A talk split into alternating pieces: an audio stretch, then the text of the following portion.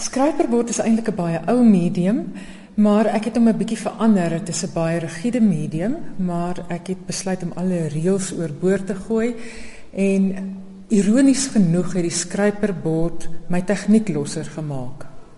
Ek weet nie of daar so baie kleur was in in jou vorige uitstalling nie. Soos of jy vir my baie meer kleur by die skryperbord gebruik het. Dis heeltemal reg, daar's meer kleur. Die uitstalling is bietjie meer persoonlik. Dit gaan oor Pretoria en dit gaan oor Adidas want as jy weg is van die huis, is dit waarna jy verlang. En die Adidas is so ontsettend aanwesig en so luidrugtig. Ja.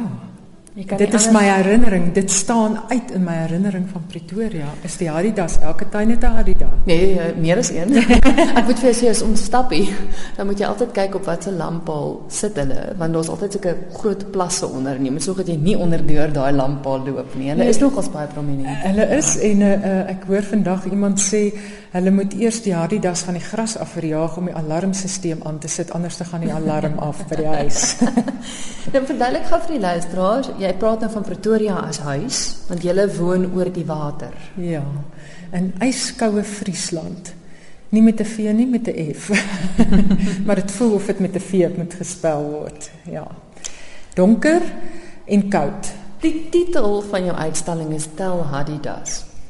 En ek het nou toe ek deurstap, dink ek, okay, dit is verskriklike mooi werk, maar ek sien baie min Hadidas. Dit is interessant genoeg sê jy toe vir my is een werk. Hier is een Hadida. Alhoewel hulle so oorvloedig is. Hier is meer ibusse. Ek het bietjie op die ibusse ook gekonsentreer, maar ek het ek wou jy sê omdat die tema van die Hadida so sterk uitkom, daar's net een van hulle. En tel hom. Ek het in in jou persverstelling gelees dat hulle is nie bedreigde nee, spesies nie. Daar's baie van hulle. Daar's baie van hulle, ja. Dit is interessant tog als want meestal fokus almal op renosters wat wel 'n bedreigde spesies is en hier kom jy en Adidas. Is dit bloot omdat jy terugverlang na die huis of hoekom Adidas? Dit is omdat dit so 'n uh, sterk sterk heimwee gedagte vorm.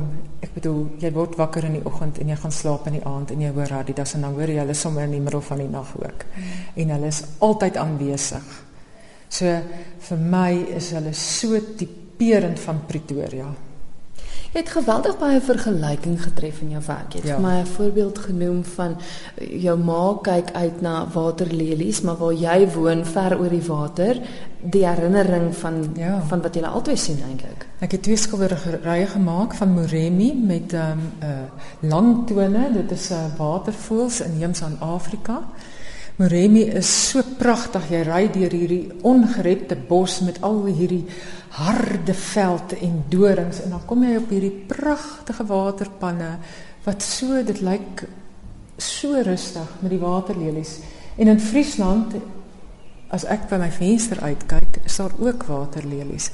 En dan gaan ek vergelyk, dan dink ek, "Sjoe, ek verbeel my ek, ek is in Botswana." Maar dan maak die verlang nog erger. Dit maak dit erger, né? Mens moet dit miskien nie doen nie. Dis gevaarlik. Kom ons kyk gou nog na een of twee van jou werke. Ja, seker. Interessant, wil ek gou-gou sê, hier's 'n hele paar meeste scraperboard, maar daar is ook olie. Ja, ek het laas ook 'n aantal uh skilderye gehad, maar hier is minder hierdie jaar, minder skilderye, ja. Ons kyk nou na 'n werk met die titel In die verbyry. Ja, Dit is 'n skildery met 'n aantal herinneringe, iets van Afrika, iets van Europa en simboliek uit die venster van 'n motor waarop die reën val. Omdat die reën altyd val in Friesland. En hier het ek soort van die twee kontinente bymekaar probeer bring. Afrika aan die een kant en Europa aan die ander kant. Ek het ook die simbool van die windpomp met die doringboom daar agter. Maar ironies genoeg is die kleur net hier en daar kom die kleur van Afrika uit in die rooi, maar dit is oorwegend 'n baie sagte pastelkleurige skildery wat lyk soos Europa in die reën. So op my huidige venster waardeur ek kyk, reën dit altyd op. Interessant nogals, dis dis 'n langwerpige skildery. En as mens verby hom stap, gee dit nogals daai effek van in die verbyry en die verbystap, verbygaan.